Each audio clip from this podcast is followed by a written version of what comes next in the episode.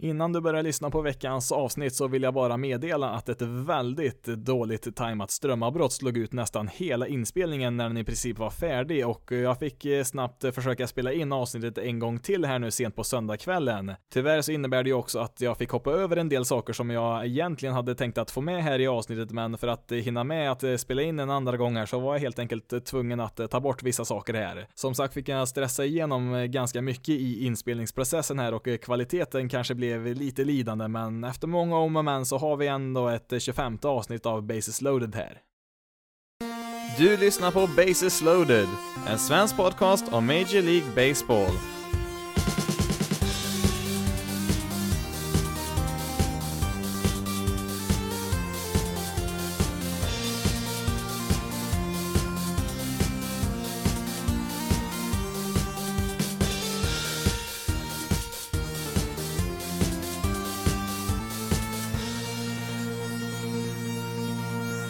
Hej och välkommen till veckans avsnitt av Bases loaded, en svensk podcast om Major League Baseball. I det här avsnittet så kommer det inte att bli något eh, centralt tema som det brukar vara, utan kommer köra på med lite diverse olika saker från veckan som gick här och eh, ja, kommer att hoppa lite hit och dit eh, under avsnittets gång här, så får vi väl se vart vi hamnar i slutändan. Har ju varit en hel del snack om alla slutspelsplatser fram och tillbaka och läget i alla divisioner och så, så jag tänkte att vi tar lite paus här nu i alla fall den här veckan och ja, ta lite, lite smått och gott från veckan som gick som sagt.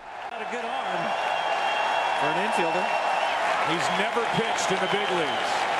So why wouldn't he take over in game four of the ALCS? According to StatSync, Elias, no true position player has ever come in to pitch in the postseason. 91 for a strike. Look at the faces on the bench there. Wow. only that, I watched him warm up. Ja, det där var väl tekniskt sett inte från förra veckan då. Det var närmare bestämt eh, 2015 där i slutspelet mellan Royals och Blue Jays eh, och du hörde när Blue Jays shortstop Cliff Pennington kom in där som en pitcher där i slutet av matchen eh, när man la under där med en 12-2. Med andra ord så var ju matchen över för länge sedan och Blue Jays valde ju att spara på sina relievers för nästa möte istället där och ja, idag så är det en ganska vanlig företeelse att när ett lag ligger under stort så slänger man in en position player där istället för att det spara på sin bullpen där så att inte de behöver kasta massa mening, meningslösa innings. 2015 eh, som det här ljudklippet var ifrån, eh, ja det är inte speciellt länge sedan det var men eh, på bara de få åren som har gått sedan dess så har det blivit betydligt vanligare att använda position players som pitchers. Position players är då alltså alla spelare som i vanliga fall inte är pitchers, alltså alla outfielders och infielders som brukar spela på övriga positioner på planen. Om vi kollar på de tre säsongerna från 2015 till 2017 så användes det i snitt i ligan omkring eh, 30 position players per säsong som pitchers, eh, eller ett snitt då, en gång per vecka fick man se det här. Vi behöver inte gå längre bak än 2010-2011 när snittet var på omkring 10 position players som pitchers då per säsong. Med andra ord en enorm ökning där på bara några få år. Och eh, bara de två senaste åren här så har vi återigen sett en enorm ökning på just den fronten.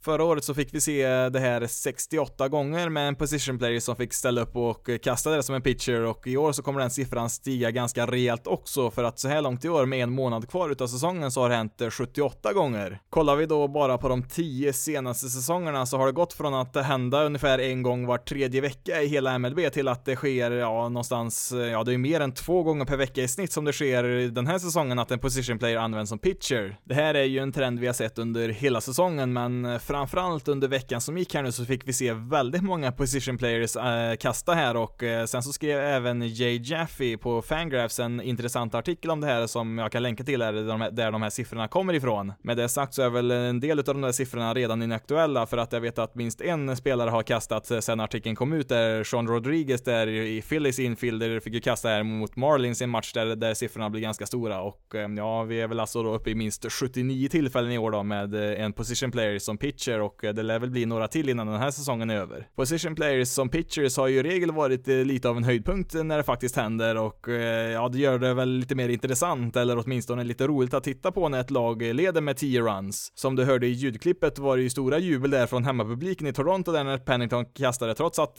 hemmalaget la under där med 10 runs så var det ändå en liten rolig grej att se på där och sen så är det väl inte alltid man får se en shortstop kasta 91 miles per hour vilket är riktigt, riktigt imponerande också. Det är väl till och med faktiskt hårdare än vad vissa ordinarie pitchers eh, faktiskt klarar av att kasta. Men i år då så har det ju inte varit riktigt samma sak eftersom att det händer relativt ofta och åtminstone då inte om man jämför med tidigare år. Visst det finns det ju några av de här tillfällena som sticker ut lite extra som när Orioles outfielder Stevie Wilkerson kom in där i extra innings och lobbade in bollar i bara 50 miles per hour och på något sätt eh, blir den första position playern som någonsin kastar hem en save där men i regel så ser vi, ser vi det lite för ofta för att det ska vara något speciellt här nu varje gång det sker. Inte helt oväntat så är det ju faktiskt just Orioles som har gjort det här flest gånger och de har åkt på en hel del storförluster som de har kunnat eh, kasta in en position player där och eh, ja, de har gjort det sju gånger i år och eh, ja, nu har det väl i och för sig inte bara med att det är de dåliga lagen som gör det här. För om vi kollar på tvåan på listan så hittar vi Arizona som har gjort det sex gånger och ja, de har ju ändå varit ett rätt hyggligt lag i år och sen så har vi även Astros på tredje platsen med fem tillfällen så det är inte bara så här att det är ja, bara bottenlagen som gör det här när de förlorar stort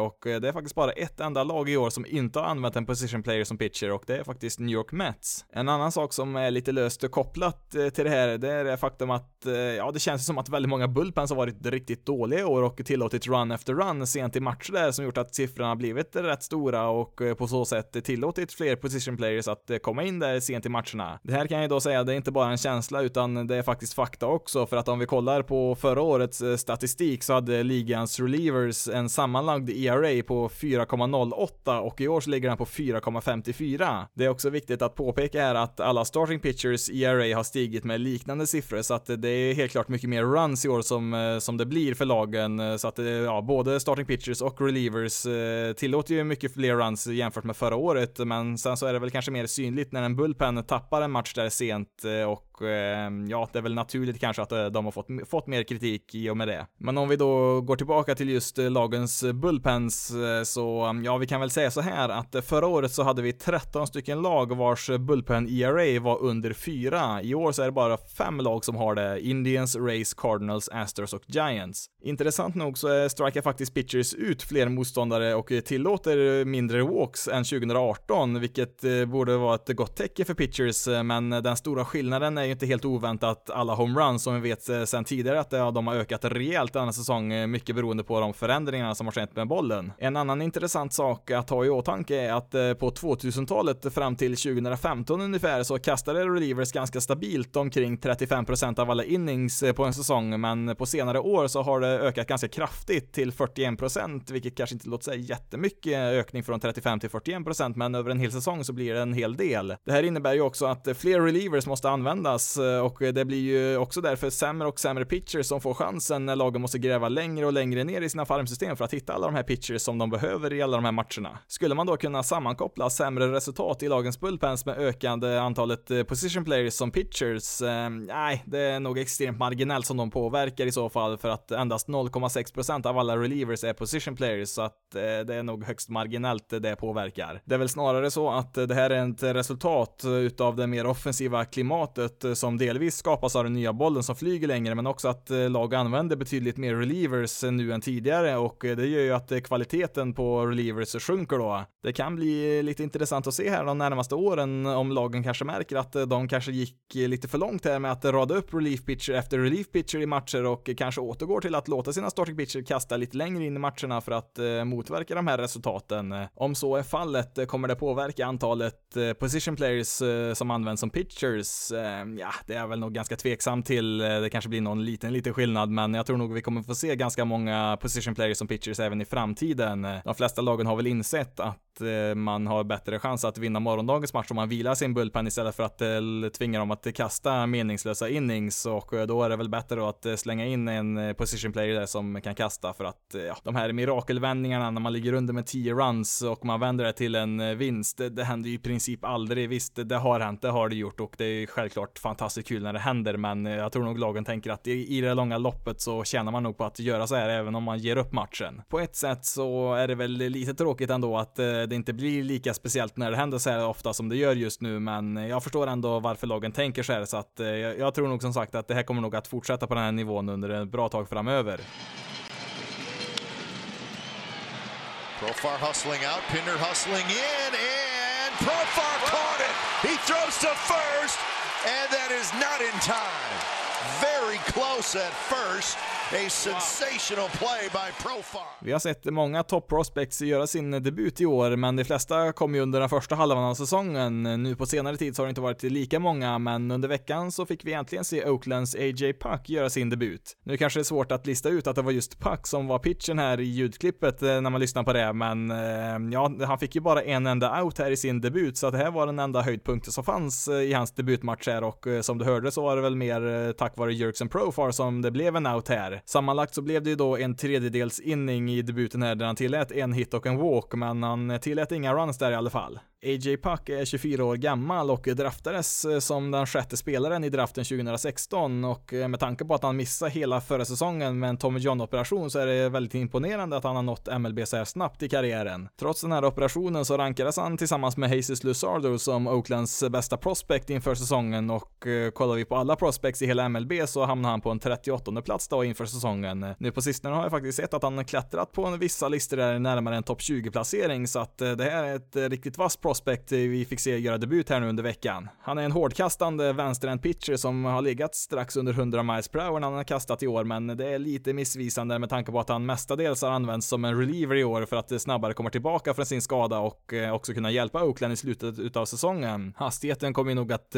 gå ner något när han börjar användas som en starting pitcher igen, men säsongen 2019 så ser det ut som att Puck kommer att användas exklusivt som en reliever. Troligtvis så kommer man att använda vintern och våren här nu efter säsongen för att få Pucky tillbaka i form för att användas som en starting pitcher till säsongen 2020 och eh, om inga komplikationer uppstår fram tills dess så är det inte omöjligt att han är deras bästa starting pitcher på opening day. Vi får väl se här nu under resten av säsongen hur pass bra han har återhämtat sig från eh, sin operation där och eh, ja, även om det skulle bli dåliga resultat här under hösten så skulle jag nog inte dra för mycket slutsatser kring det för att eh, ja, det är väl först till nästa säsong där 2020 som vi troligtvis får se vilken pitcher Puck faktiskt är. And France drives it into center field for a base hit. Here comes Will Myers. He will score. The Padres take a 5-2 lead. That was some kind of a bat for Ty France who drives in another Padres run, and it's 5 to 2 San Diego. Lite längre söderut i Kalifornien har Padres också plockat upp en spelare från AAA, nämligen Ty France, eh, som visserligen har gjort eh, lite matcher tidigare i år på MLB-nivå. Givetvis väldigt kul för France då som spelar på tredje bas i vanliga fall, men det är också lite tråkigt på ett sätt, eh, för hans batting average i AAA i år på 76 matcher är på 3,99. Det finns faktiskt inte en enda spelare på hela 2000-talet som har kommit upp i ett batting average på 400 i minor leagues.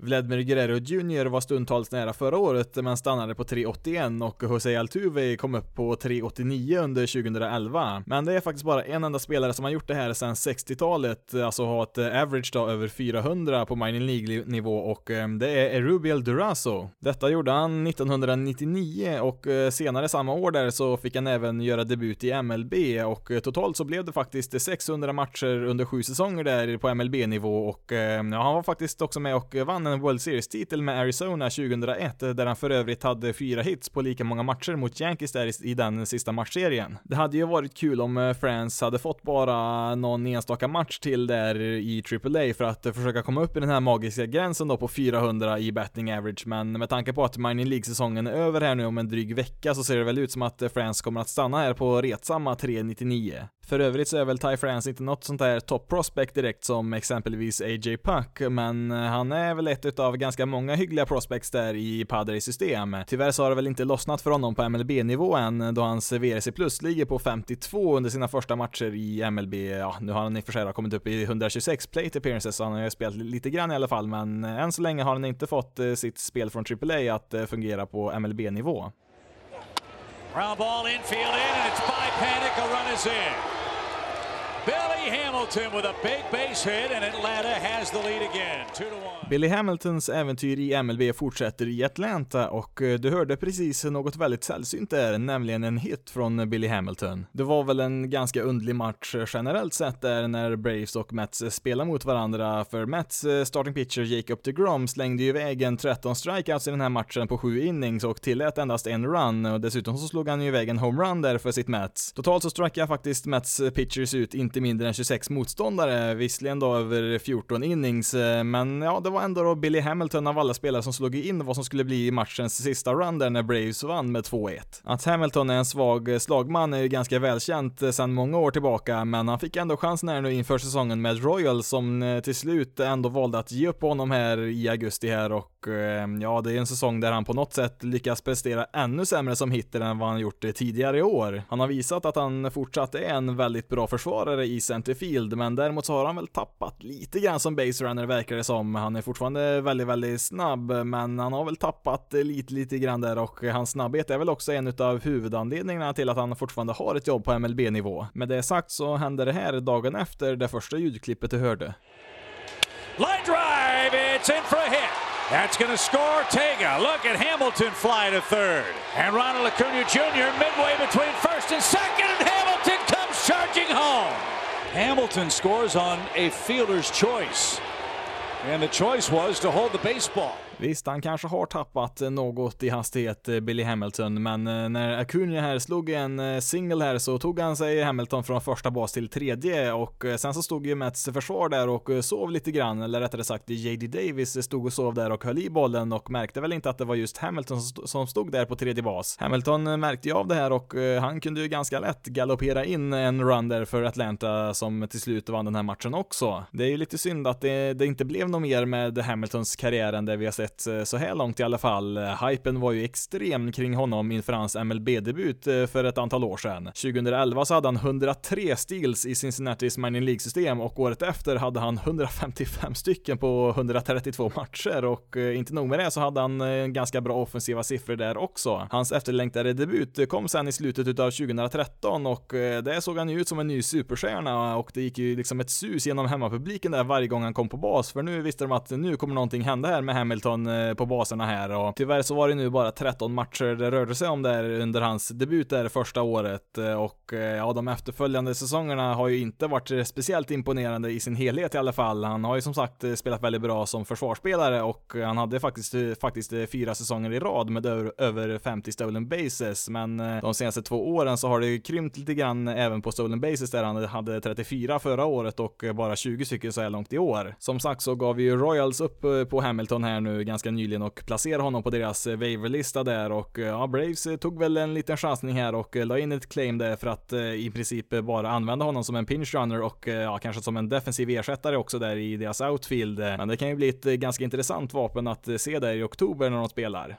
Vi ska ta oss vidare till Boston, för i förra veckans avsnitt så nämnde jag att Chris Sale skulle utvärderas vidare angående hans eh, armbåge som det var lite problem med och eh, det var ju ingen annan än Dr. James Andrews som han skulle prata med där och ehm, ja, det här besöket eh, gjorde ju en del Red Sox-fans ganska nervösa för ett läkarbesök hos Dr. Andrews brukar ganska ofta sluta med en Tommy John-operation. Som tur är så klarade han sig från en operation den här gången och fick istället en PRP injection, en platelet rich plasma injection som det står för och eh, ja, nu är väl inte jag någon medicinsk expert här, men det lilla jag kunde få fram på det här, det var att det på svenska blir någonting i stil med en eh, trombocytrik eller en blodplätsrik plasma som man har sprutat in, sprutat in i hans armbåge. Utan att gå in i för mycket detalj så har man då mer eller mindre sprutat in blod i Chris Sales armbåge, eller åtminstone en komponent som utgör en människas blod och detta ska då i teorin hjälpa kroppen att läka, i detta fall då i armbågen för Chris Sale om jag förstått det hela rätt. Sale kommer ju därmed inte kunna spela något mer i år, men om behandlingen går som den ska så ja, då kan han vara redo till säsongen 2020.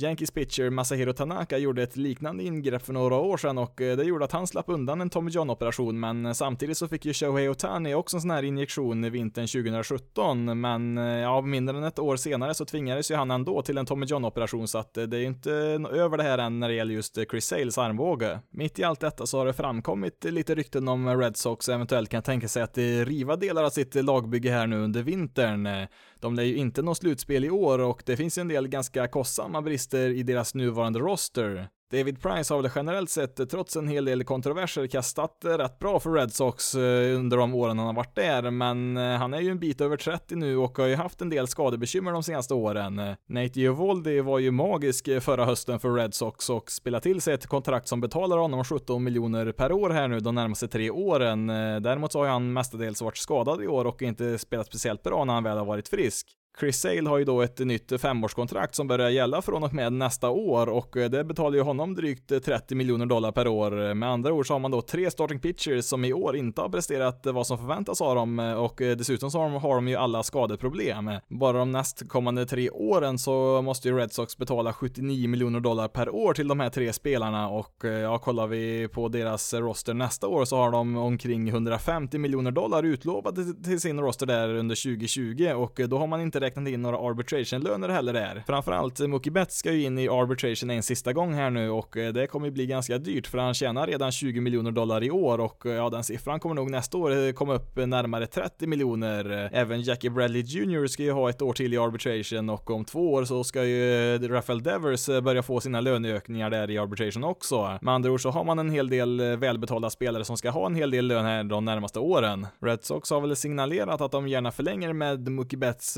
med med ett långtidskontrakt, eh, men samtidigt har väl Betts eh, själv signalerat att han inte verkar vara speciellt sugen på det i nuläget och eh, verkar ju sikta på free agency efter nästa säsong. I takt med att hans free agency kommer allt närmare så har det ju gått mer och mer rykten om att Red Sox kanske skulle kunna tänka sig att trada Betts redan nu i vinter för att få någonting där i utbyte innan han lämnar för ingenting som free agent. Red Sox skulle nog behöva erbjuda ett kontrakt på Mike Trouts nivå för att kunna övertala Betts att stanna där och eh, ja, jag vet inte riktigt om de är eh, villiga att erbjuda det i nuläget till Betts hur bra han än är som en spelare. Även lagets eh, president of baseball operations, Dave Dembrowski, sägs sitta löst trots att han ledde det här laget till en World Series-titel för mindre än ett år sedan och ja, nu är det som sagt rykten här, men det har kommit från fler och fler håll att det här kanske kan bli en verklighet ganska snart. Skulle väl ändå säga att jag skulle bli lite överraskad ändå om det faktiskt händer alla de här grejerna som det ryktas om, men jag skulle väl inte heller bli helt, helt chockerad om det blev stora ändringar i Boston till nästa säsong.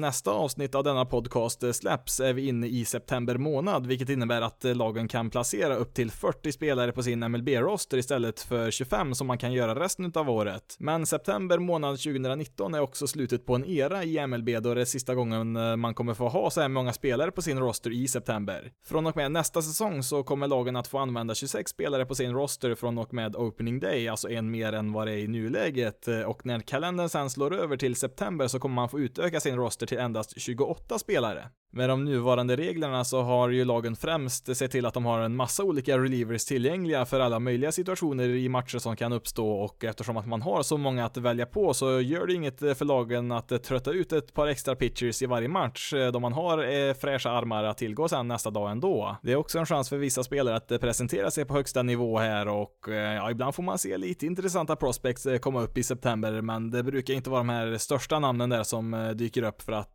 ja, det är väl om de skulle vara tillgängliga i Rule 5-draften kommande vinter som de kanske kan få spela här för att eh, då måste de placeras på lagets eh, 40 roster ändå innan december månad eh, för att de inte ska vara tillgängliga i den draften där så att de spelarna kan ibland då få hoppa in här redan i september och få lite, lite erfarenheter på MLB-nivå. Annars så anser väl nog de flesta lagen att det är slöseri med service time att plocka upp lovande prospects redan i september när man istället kan plocka upp dem ganska tidigt i nästa säsong istället när de kan få ett extra år utav kontroll om de gör så istället. Vad som kommer att eh, hända med de här reglerna, det kan vi ju inte säga här och nu, men eh, med tanke på att man bara får två platser till att använda i september där, så där man ju försöka få upp bästa möjliga spelare i september månad, eh, framförallt om man är med och spelar för en slutspelsplats. Det skulle väl kanske i teorin, även om jag själv inte är helt övertygad om att så är fallet, leda till att fler högt rankade prospects kommer upp redan i september eftersom att de kanske är organisationens bästa spelare som inte redan finns på deras MLB-roster. Med de nuvarande reglerna så har det kanske varit enklare att istället kalla upp andra spelare som tillsammans kan stärka lagets roster beroende på matchsituation. Men eh, ja, nästa år då har man ju bara två platser att förstärka laget med och eh, ja, om man spelar för sin överlevnad i september, då gäller det faktiskt att man får upp de absolut bästa spelarna och eh, ja, ska man då faktiskt maximera sina chanser att få spela i oktober, ja, då kanske lösningen är att kalla upp något av sina bättre prospects.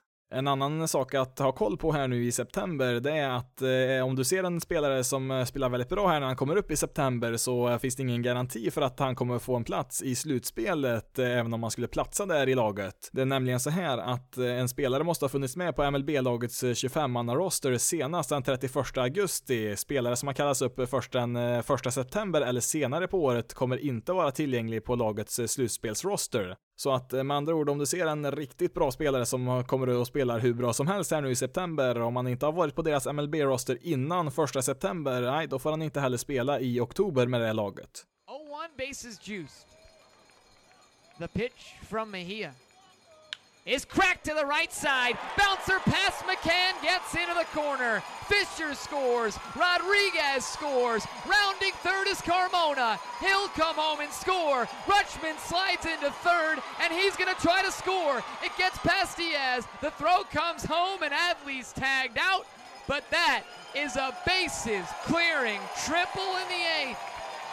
Adley Rutschman, five hits. En spelare som inte kommer att kallas upp i september, det är årets första draftval, Adley Rutschman. Det har ju gått drygt två och en halv månad sedan draften och redan nu så rankas han som en av MLBs tio bästa prospects. Och eh, ja, hur har det då gått för årets första draftval i sin första proffssäsong? Ja, det har väl varit lite upp och ner. Han var väl lite småskadad där inledningsvis och eh, sen så tog det väl ett par veckor innan han kom igång där, men nu på slutet så har han spelat riktigt bra och i klippet som du hörde där så gick ju Rutschman 5 för 5 i den matchen med en homerun och eh, ja, du hörde där i specifikt det där klippet när han hade en triple där med bases loaded. Sen så försökte han ju springa hem en eh, inside the park homerun där som han taggades ut där, men eh, ja, han verkar vara lite på gång nu i alla fall, Rutschman här mot slutet utav säsongen. Ganska nyligen så har Baltimore flyttat upp Rutschman till Low A, alltså den fjärde högsta nivån i Mining League-systemen skulle man kunna säga, så att eh, det är ju ett tag kvar innan han är på MLB-nivå. Sen så får vi också komma ihåg att eh, de här första månaderna efter draften så är det mycket se och lära för de nya spelarna som måste främst vänja sig vid att spela i princip varje dag till skillnad från high school och college där man inte spelar så här ofta. Den riktiga resan brukar väl börja året efter man draftas eh, och om Rutschman lever upp till förväntningarna så mm, ja, då behöver vi nog inte vänta sig jättelänge till innan han är ordinarie catcher i Orioles. För Baltimore-fansen så kan nog den dagen inte komma tillräckligt snabbt eh, som det ser ut just nu för att eh, under veckan här så blev det klart att de är det första laget som matematiskt är utslagna från slutspelet i år. Kan ju tyckas lite udda att det är just Orioles som är första laget som är utslaget eh, då de inte har sämst record i MLB. Det är ju nämligen Detroit Tigers som har det, men de hade ett par mindre matcher spelare där så att de hade väl tekniskt sett chansen att fortfarande nå slutspel där ett par dagar till. Men sen dess har även Tigers då hamnat för långt bak för att kunna nå till, nå till ett slutspel slutspel. Om inte annat så får det väl helt enkelt eh, bli en kamp om eh, första valet i nästa årets eh, draft mellan Tigers och Orioles för att det finns ju inget annat lag som är ens i närheten av att vara så dåliga som de är så att det kommer ju antingen, antingen att bli Orioles eller Tigers som väljer först i nästa års draft. Om vi kollar på de andra toppvalen där i draften så här långt så hittar vi Royals Bobby Witt Jr fortfarande i rookie ball och ja, det har väl inte sett så jättebra ut offensivt där än så länge och utav de tre första valen så är det väl egentligen White Sox Andrew Vaughn som faktiskt har gått bäst och han har presterat på samtliga nivåer som han har spelat på. Han befinner sig i nuläget i High A, alltså en nivå högre än Rutschman och eh, ja, han har spelat eh, bra på det lilla han har hunnit att spela så här långt i år. Won ansågs väl också kanske vara den bästa offensiva spelaren i draften och troddes väl eh, gå ganska snabbt genom White Sox minor League-system så att det är väl inte jätteöverraskande kanske att han har gått starkast så här långt. Sen så är det väl ändå Rutschman som är det klart bästa, eller den mest lovande spelaren bland de här tre och på sikt så är det väl nog han som kommer vara den bästa spelaren men med prospects i baseball så vet man ju aldrig riktigt hur det kommer att gå för att eh, det är ju ganska många lovande spelare som det inte blir någonting alls med. Tänkte nämna ett annat eh, topp 100 prospect här som även han eh, spelar som catcher, eller rättare sagt spelare som catcher, nämligen Dalton Varshow som befinner sig i Arizona Diamondbacks farmsystem. Han har väl haft ett par ganska bra säsonger där i deras farmsystem, eh, men det som är lite udda med Varshow det är att Diamondbacks bestämt sig för att flytta på honom från sin position som catcher. Det i sig är väl kanske inte så jättemärkvärdigt eh, då catchers emellanåt även får spel som designated hitter eller som första basman och ja, ibland får de väl även hoppa in emellanåt som exempelvis en left fielder, men det som är speciellt med just Varshow det är att man har fått för sig att han ska spela som centerfielder. För att eh, få lite kontext på det hela så sökte jag efter spelare i MLB-historien som har spelat spelat som både catchers och centerfielders och eh, då satte jag en gräns på att eh, spelarna var tvungna att ha spenderat minst 10% av sin speltid på båda de här positionerna. På så sätt så får man ju bort de här spelarna som kanske gjorde en inning i centerfield för att eh, deras ordinarie spelare skadade sig sent i matchen där och man behövde bara kasta in vem som helst där för att avsluta matchen. Då hittade jag totalt 60 spelare som nådde upp till de här kriterierna och ja, det är ju en del spelare, men bara tre av dem gjorde ju sin debut på 1900-talet.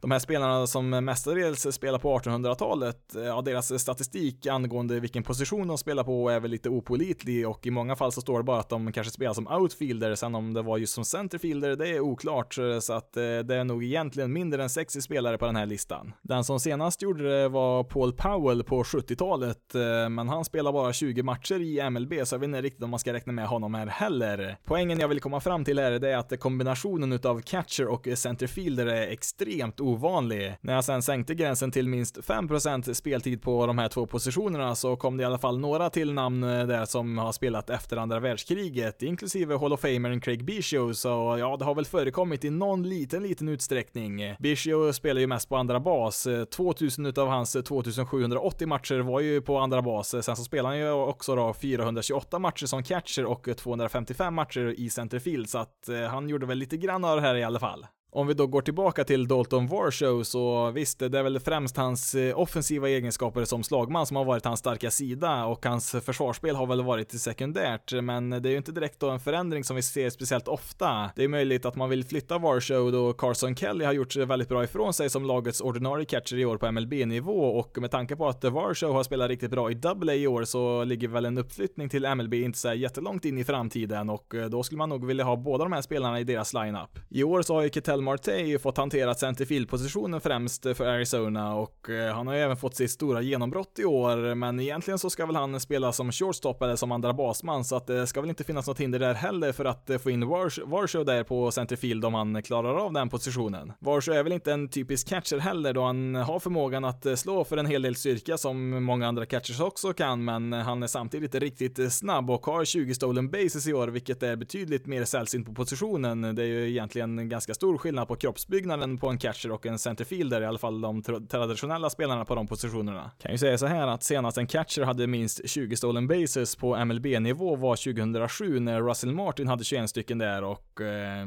ja, i vilket fall som helst så har vi nog goda möjligheter att få se Varshow i MLB redan nästa säsong, men vilken position han spelar på då, ja, det får vi helt enkelt se.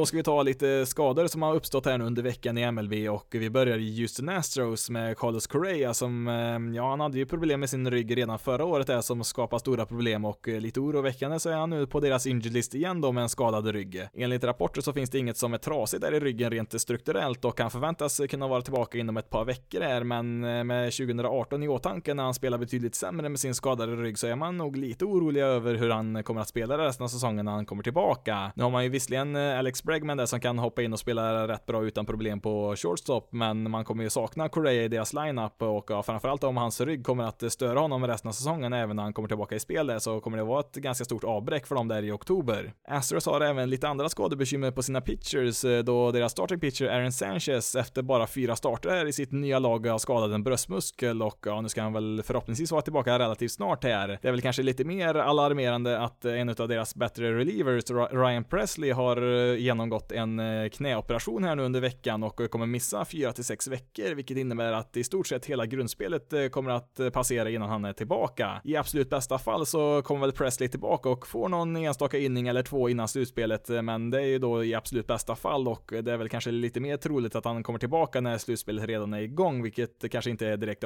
optimalt. Astros leder ju sin division med åtta matcher, så att man är ju inte direkt hotade där, men i slutspelet när Bullpens blir ännu mer viktiga så är det ju återigen oroväckande för Astros som satsar på att gå hela vägen i år. Egentligen så hade jag väl tänkt att ta upp eh, lite fler namn här bland skadorna, men eftersom att jag fick spela om stora delar av avsnittet där så får jag stryka en del spelare, men jag tänkte att vi ska avsluta med Griffin Canning i Los Angeles Angels. Eh, Angels är ett lag som inte kommer att nå slutspelet i år, förutsatt att de inte hittar något sätt att eh, klona Mike Trout här ett tiotal gånger, men även i det ytterst otänkbara scenariot så vet jag inte om det hade räckt med Angels pitching som den ser ut just nu. Griffin Canning var väl i princip den enda hyggliga pitcher man hade kvar i deras rotation eh, fram till förra veckan här då, och eh, ja, hans säsong är ju då över med en inflammation i armbågen. Visst, hans ERA på 4,5 är väl knappast imponerande, men det säger väl kanske lite mer om Angels andra starting pitcher som är betydligt sämre än vad han är. Här skulle det vara ganska lätt att bara börja rada upp alla pitching-kategorier som Angels är, i, är ett bottenlag i och eh, ja, tro mig, det finns en hel del sådana kategorier i år, men jag tänkte istället att vi ska ta en annan infallsvinkel här och vi kan väl säga så här att i och med Eh, Griffin Cannings skada så kommer ingen eh, pitcher i Angels eh, komma upp i 100 innings i år.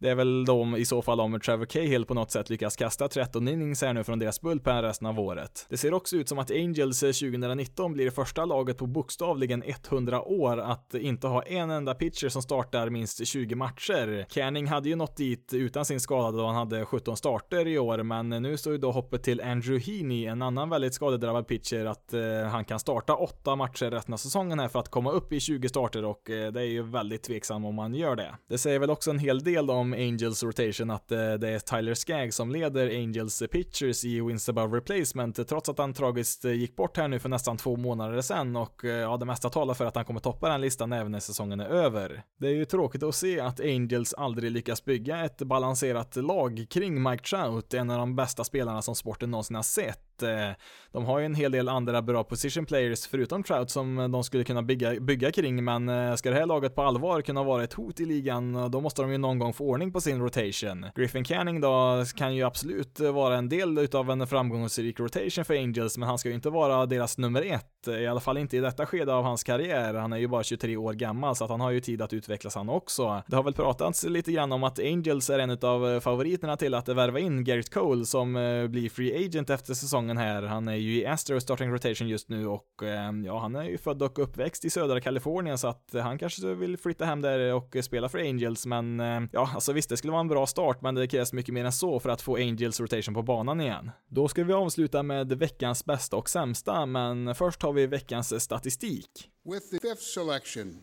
in the first round of the 2009 first year player draft, the Los Angeles Angels of Anaheim select Michael Trout. Michael is a center fielder from Millville Senior High School, Millville,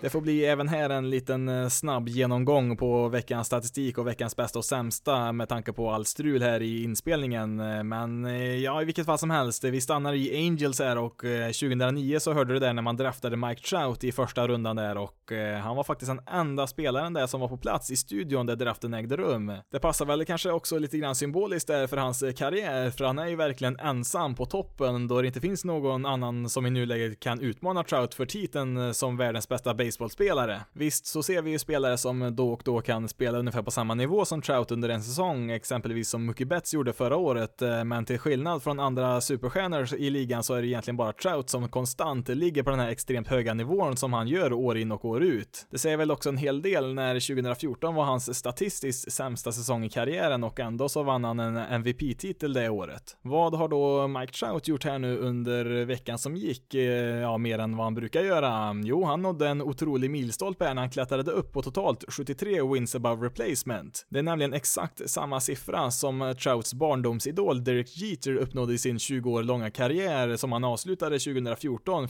40 år gammal. I kontrast så är detta Trouts eh, nionde säsong och han fyllde ju nyss 28 år. Faktum är att Trout just nu passerar legendarer varje månad han spelar i just eh, wins above replacement och eh, om han spelar så här riktigt bra som han har gjort även nästa säsong så har han faktiskt chans chansen att komma upp på topp 30-listan över wins above replacement innan han ens har fyllt 30 år.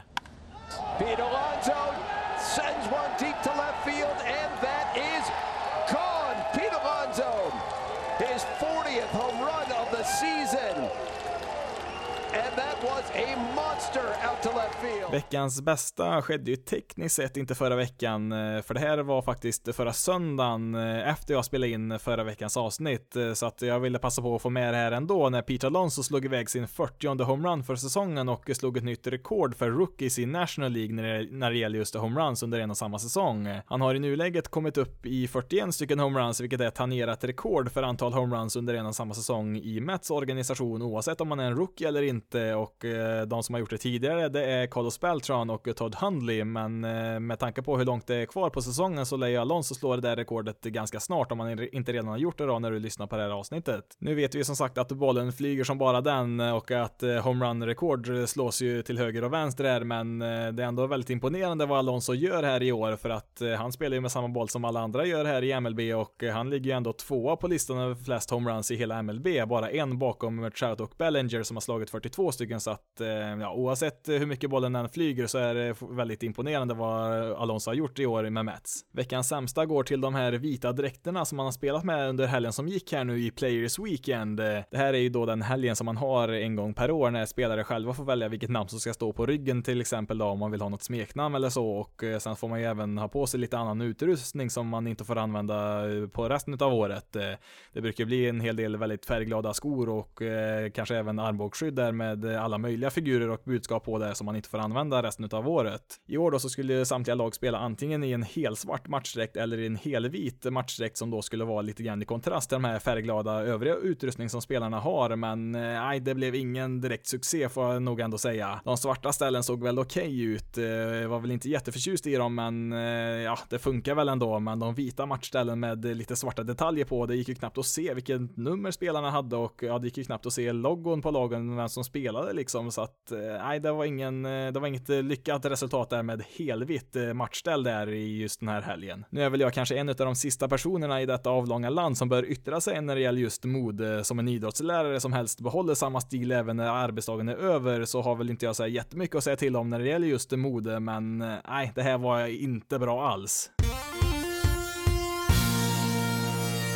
Jag får nog tyvärr säga att det får räcka där för veckans avsnitt. Jag hade väl minst 10 om inte 15 minuter till inspelat från början, men strömavbrottet raderar ju en majoritet av inspelningen och tyvärr så hade jag inte riktigt tiden här att eh, spela in precis allt igen då jag sitter här när klockan har passerat midnatt. Eh, men ja, jag fick väl åtminstone med det mesta här från första inspelningen så att allt är väl inte förlorat. Ibland så blir ju saker och ting inte riktigt som man hade tänkt sig, men eh, ja, man får helt enkelt göra det bästa av situationen och